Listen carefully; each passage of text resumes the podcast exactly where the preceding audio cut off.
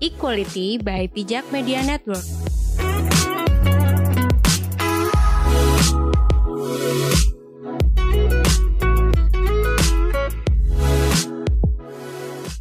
Halo, kembali lagi bersama podcast Equality.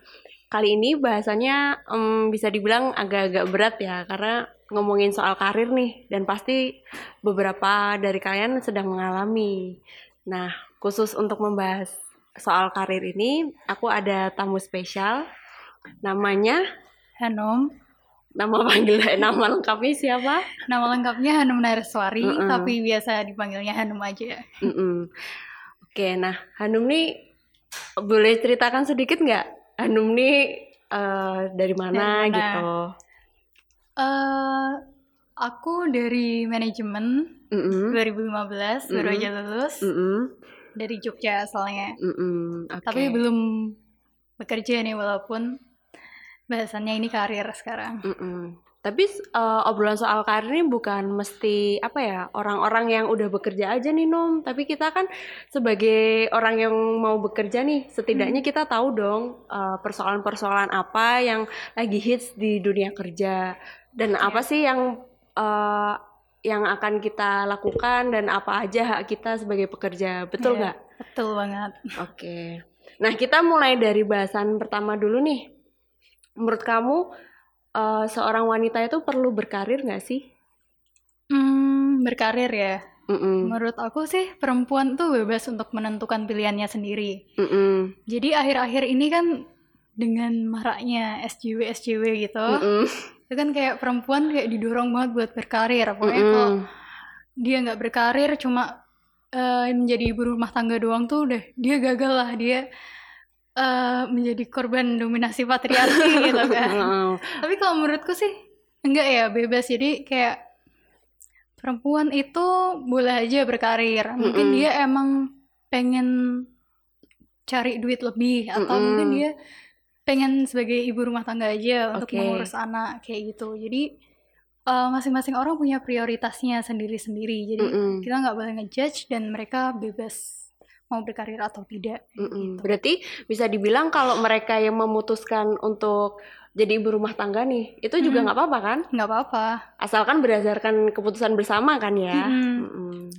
Oke, nah ngomong-ngomong soal wanita karir itu berarti kita nyambung dong soal uh, mandiri secara finansial. Nah, Iya. kemarin sih baru aja gitu, uh, equality bahas soal kenapa sih perempuan itu harus uh, mandiri secara finansial terlepas dia Mm-mm. dari uh, berkarir di kantor atau cuma di rumah kayak gitu. Mm-mm. Nah, menurut kamu kenapa sih perempuan itu seharus harus banget uh, mandiri secara finansial?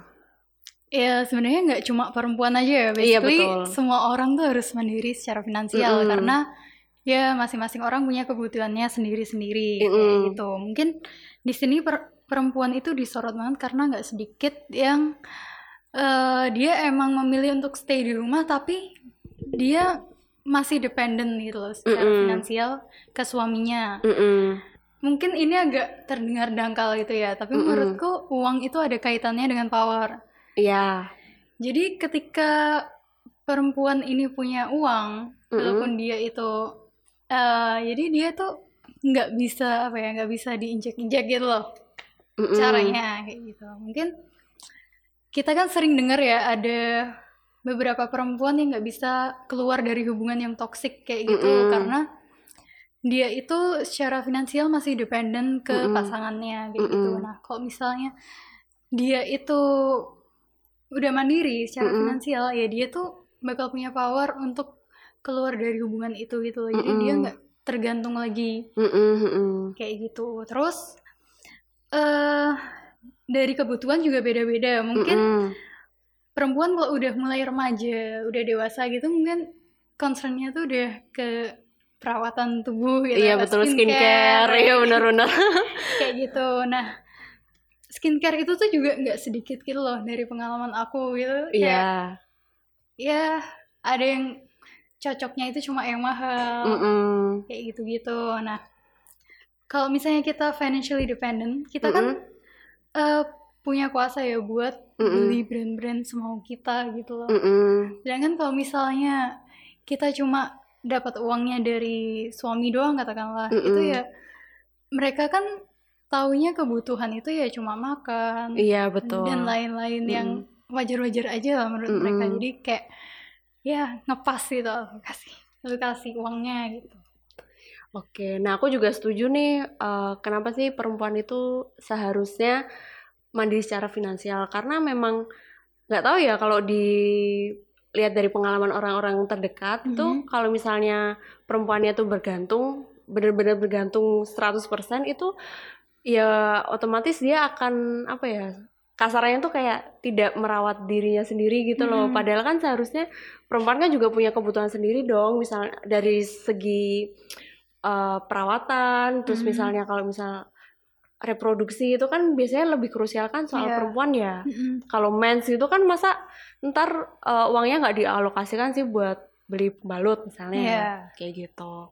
Nah di eh, sepanjang pengalaman aku kerja nih Num, Mm-mm. karena aku udah beberapa kali ya pindah tempat kerja. Mm-mm. Nah ada nih omongan-omongan dan bahkan juga sering dengar di transportasi umum biasalah orang-orang gitu kan dia bilang kalau sekarang tuh memang makin banyak uh, pemimpin-pemimpin perempuan yang muncul misalnya Iya. kayak CEO-nya siapa itu perempuan Mm-mm. terus nanti manager of apa itu juga perempuan Mm. tapi nyatanya uh, posisi itu tuh masih terhitung kecil dibanding peranan Iya. laki-laki menurut kamu gimana tuh Num?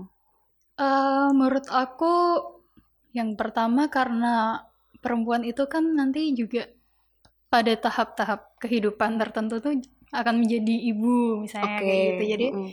untuk pekerjaan yang dia itu jabatannya sangat berjenjang gitu. Mm-mm.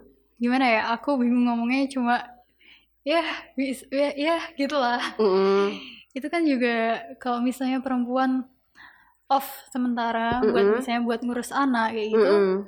ya mereka nggak bisa lanjut melanjutkan dari yang dulu gitu loh Mm-mm. jadi ya mereka bakal baru lagi kayak gitu Oh, menempati gitu. posisi yang baru Iya posisi yang sih. baru. mm-mm.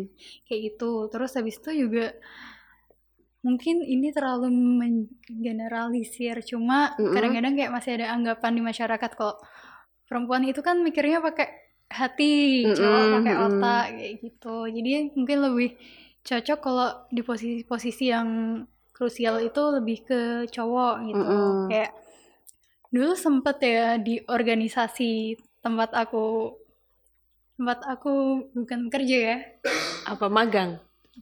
Bukan magang Ya mungkin kamu ikut sebuah Ya, organisasi ikut gitu ya. sebuah organisasi nah itu waktu pemilihan pimpinan umum nih Mm-mm. itu ada yang nyeplos gini mas. Gimana gimana? jadi bilangnya ini kalau masih bisa pemimpin umumnya laki-laki ya udah laki-laki aja kenapa Mm-mm. harus perempuan kayak Mm-mm. gitu padahal kan harusnya kayak gitu tuh nggak didasarkan pada gender doang tapi juga Mm-mm. pada kompetensinya gitu loh Iya betul. Nah mungkin eh, aku juga pernah dengar sih kalau eh, misalnya di sebuah perusahaan meskipun perusahaan itu membuka rekrutmen antara laki-laki dan perempuan, Mm-mm. tapi kan perempuan itu pasti punya jangka waktu ya. Entah Mm-mm. nanti dia menikah, Iya. terus dia hamil ya kan. Mm. Nah hamil ini kan biasanya ngaruh tuh sama cuti. Iya Nah, ketika nanti dia balik lagi kerja itu kan mungkin ada yang mempertimbangkan nih, wah, kayaknya produktivitasnya tuh nggak se dalam tanda kutip ya nggak Hmm. sebagus dulu ketika Iya. sebelum hamil. Nah, itu kan masih banyak stereotip-stereotip ya yang muncul di Iya. beberapa company kayak gitu. Nah, ngomong-ngomong soal hamil nih, kita jadi pengen bukan kita sih, aku jadi pengen ngobrol-ngobrol sama Hanum soal eh, bahwa gaji perempuan itu katanya 16% lebih rendah daripada laki-laki. Nah, Hmm. menurut kamu fenomena ini tuh gimana sih, Num? Hmm. Kalau dari yang aku tahu sih, itu kayak pay gap-nya di Indonesia itu nggak begitu signifikan sebenarnya. Mm-mm. Dan juga mungkin di beberapa industri justru cewek lebih gajinya lebih gede daripada cowok. Mm-mm. Cuma mungkin ini 16% lebih rendah itu secara general ya. Iya. Nah, hmm, kalau menurut aku mungkin karena laki-laki itu masih dipandang sebagai kepala keluarga, jadinya kayak Mm-mm. gaji itu juga menanggung keluarga dia gitu loh. Mm-mm. Kalau menurut aku sih kayak gitu. Kalau misalnya menurut Mbak Flo gimana nih? Oke, nah kalau menurut aku sih apa ya? Tapi emang aku pernah dengar dari Mhm. omongan teman-teman tuh, misalnya dia resign. Iya. Dia resign karena dia menikah.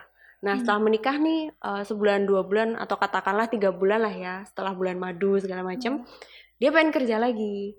Nah, tapi ada tuh beberapa perusahaan yang memang eh, mempertanyakan, "Eh, kamu masih bisa misalnya dalam arti Hmm. pulang malam atau enggak? Oh, Karena kan iya. itu sering tuh di Mm-mm. beberapa company tuh beberapa memang meng, apa ya mengharuskan karyawannya tuh harus siap lembur segala Iya. macam. Tapi kan kalau misalnya kita udah berkeluarga mikir-mikir lagi dong Iya. kalau kita lembur tuh gimana. Nah, itu kan menurutku apa ya ya bukan soal bisa atau enggaknya, tapi memang kalau job desk-nya mengharuskan seperti itu ya nggak apa-apa dan Mm-mm. emang bayarannya juga harus setimpal dong, nggak Iya. ada perbedaan antara laki-laki atau perempuan Mm-mm. kayak gitu.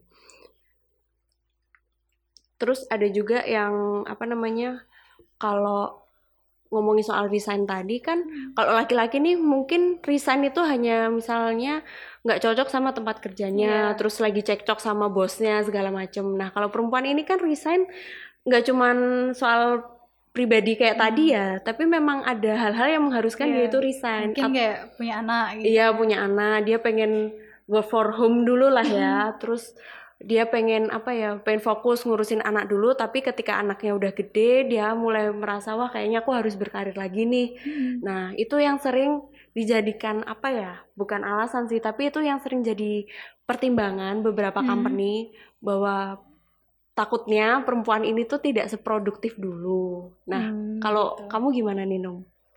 gimana apa ya nih? Pendapatmu soal stereotip kayak gitu?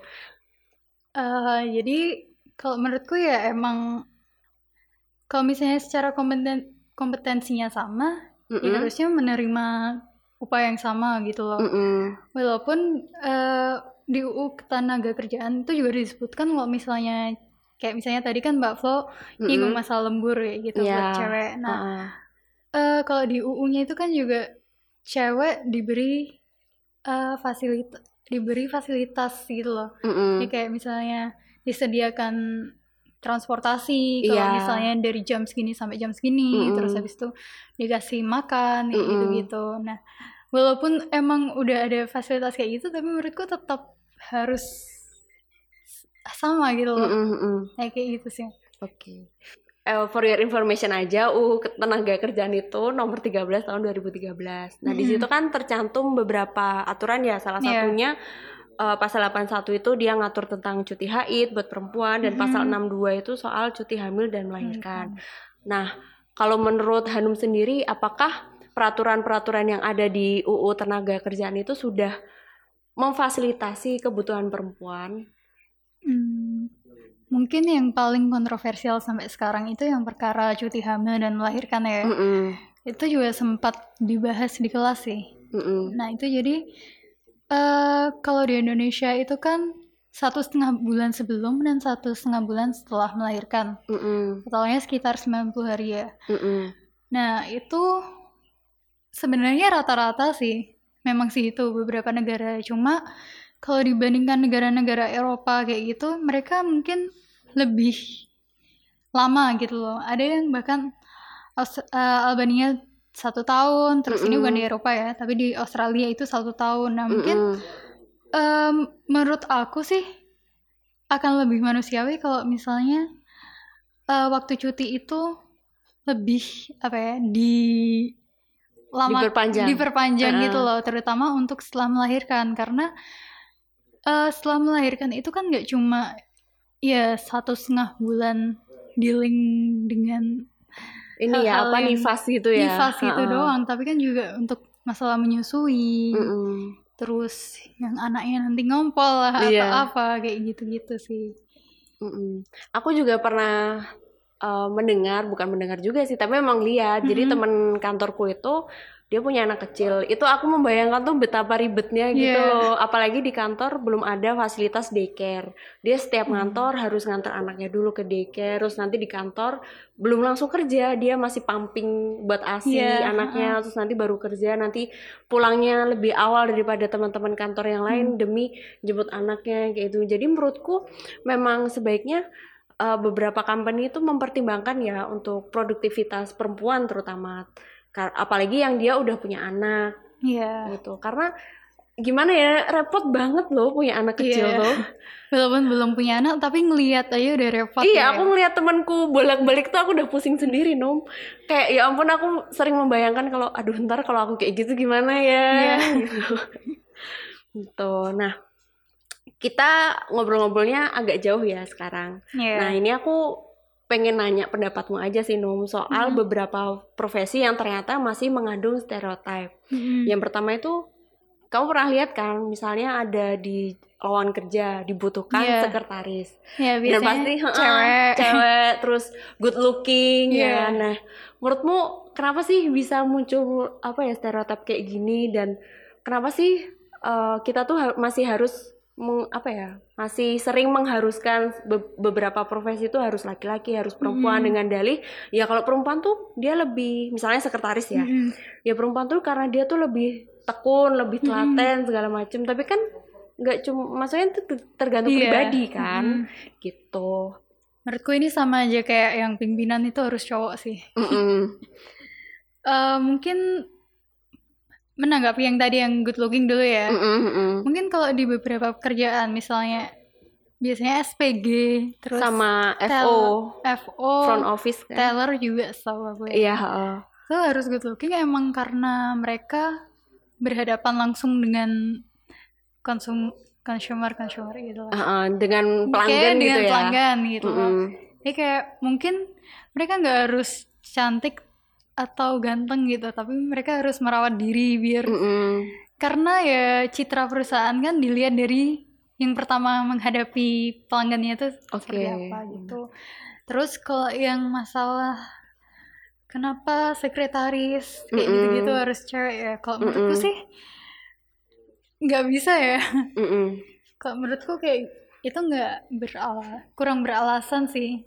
kalau sekretaris harus cewek gitu ya Mm-mm, karena kalau misalnya yang dilihat dari ketekunan, Mm-mm. terus mungkin ya kayak gitu gitulah Mm-mm. apa namanya karakteristik yang biasanya dimiliki cewek, ya cowok pun tuh sebenarnya juga punya gitu. loh. Mm-mm. Yang itu malah mempersempit apa mempersempit peluang salah satu gender ya Mm-mm, gitu. mm-mm.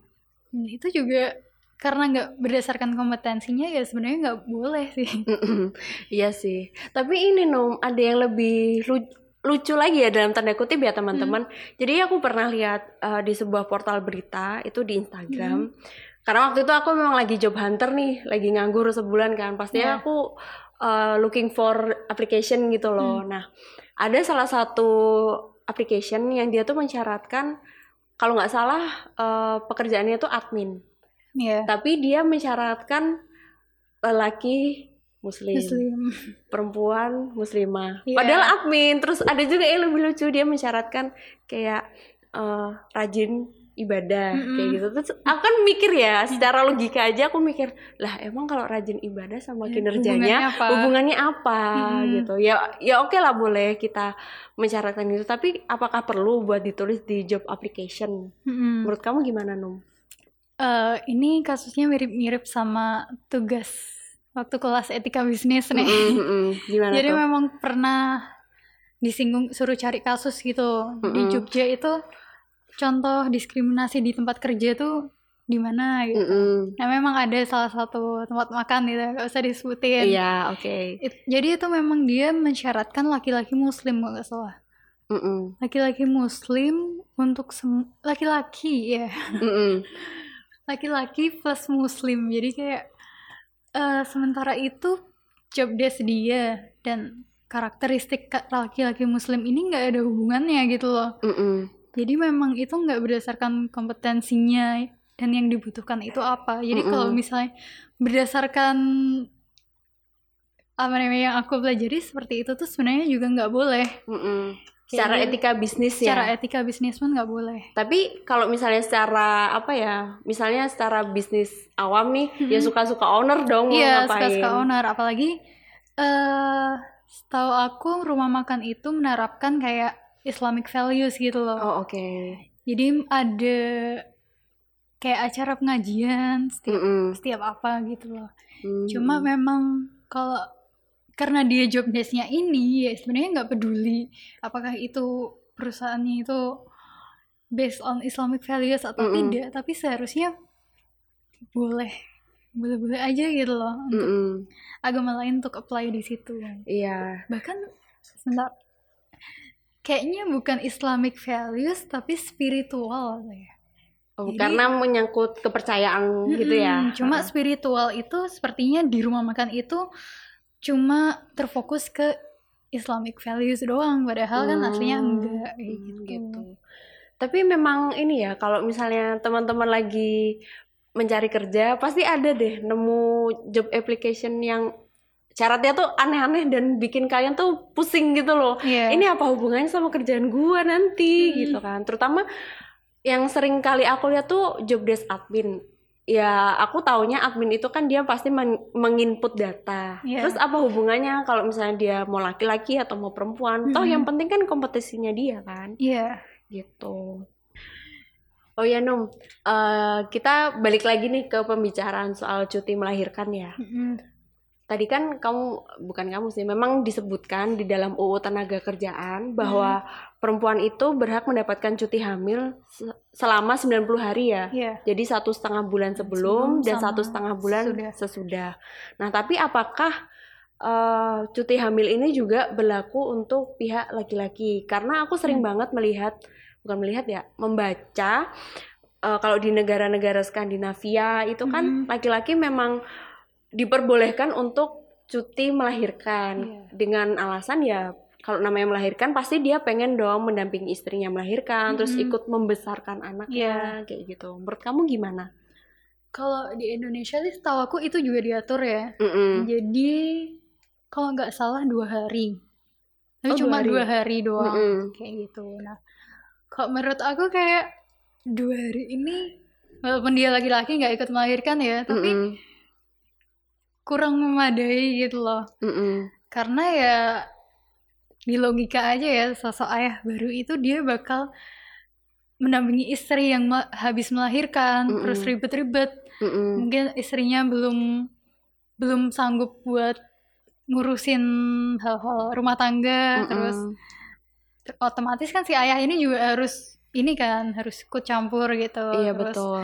ngurusin bayinya yang nanti waktu malam nanti nangis lah mm-mm. ngompol kayak gitu terus setahu aku juga baby blues baby blues ya Mm-mm, baby blues. itu juga bisa terjadi sama laki-laki terutama yang habis apa kayak mereka yang habis istrinya habis melahirkan ya Mm-mm. gitu Terus ada juga nih Num kayak bahasan eh, biasanya ibu sih yang mengalami Mm-mm. postpartum syndrome itu. Iya. Nah, itu kan mungkin eh, peranan suami itu pasti sangat dibutuhkan ya ketika Mm-mm. istrinya mengalami postpartum syndrome. ya Karena sering kan teman-teman tuh lihat apa berita kalau nggak salah tuh sempat rame juga di timeline Mm-mm. soal ibu yang ngubur anaknya. Iya, Itu kan karena postpartum syndrome. Iya Bukan karena dia tuh gila Iya. atau apa. itu itu memang nyata Iya. teman-teman. apalagi postpartum syndrome itu kalau nggak salah sampai dua mingguan gitu loh Mm-mm. Jadi memang kalau misalnya suami juga harus menghandle itu dan cuma dikasih dua hari juga kurang masuk akal sih. Mm-mm. Iya sih benar. Apalagi kalau misalnya di dibandingin negara-negara lainnya itu kayak Iceland itu 91 hari, Norway 70 hari dan sebagainya lah. Lebih banyak ya negara-negara di sana ya. Mm-mm. Karena mereka mungkin udah sadar sih. Iya, Sementara kalau di Indonesia, mungkin cuma ya udah istrinya melahirkan mendampingi gitu kan. mm ya udah gitu. Takutnya mungkin kalau is apa suaminya nggak kerja nanti penghasilannya gimana Iya, gitu. Ya biasalah. Kita juga nggak munafik ya bahwa faktor keuangan itu memang menentukan segalanya Iya. meskipun dia juga bukan segalanya. Iya. gitu. Oke, nah pembicaraan hari ini menarik banget ya karena ngomongin soal finansial, ngomongin soal karir yang mungkin teman-teman yang lagi dengerin lagi galau soal karir. Nah, kalau saran dari aku sebelum kalian tanda tangan kontrak kerja memang harus diperhatikan tuh pasal-pasal yang termuat di dalam kontrak karena bisa jadi loh eh, ketika kalian udah tanda tangan kan berarti udah setuju tuh. Mm-mm. Terus dilalah, dilalah dan tiba-tiba ketika kalian udah kerja ternyata di- ditemukan penyimpangan-penyimpangan. Nah, itu mungkin bisa kalian laporkan juga ke Dinas Tenaga Kerjaan gitu. Hanum ada pesan-pesan buat teman-teman? Hmm, enggak sih, udah itu aja. Oke, nah mungkin gitu dulu aja ya teman-teman. Kalau kalian eh, ada saran boleh langsung DM Instagram @bijakpodcast atau juga komentar di semua postingan Bijak Podcast kalau kalian ada saran ya. Oke, ya udah gitu aja. Bye. Bye.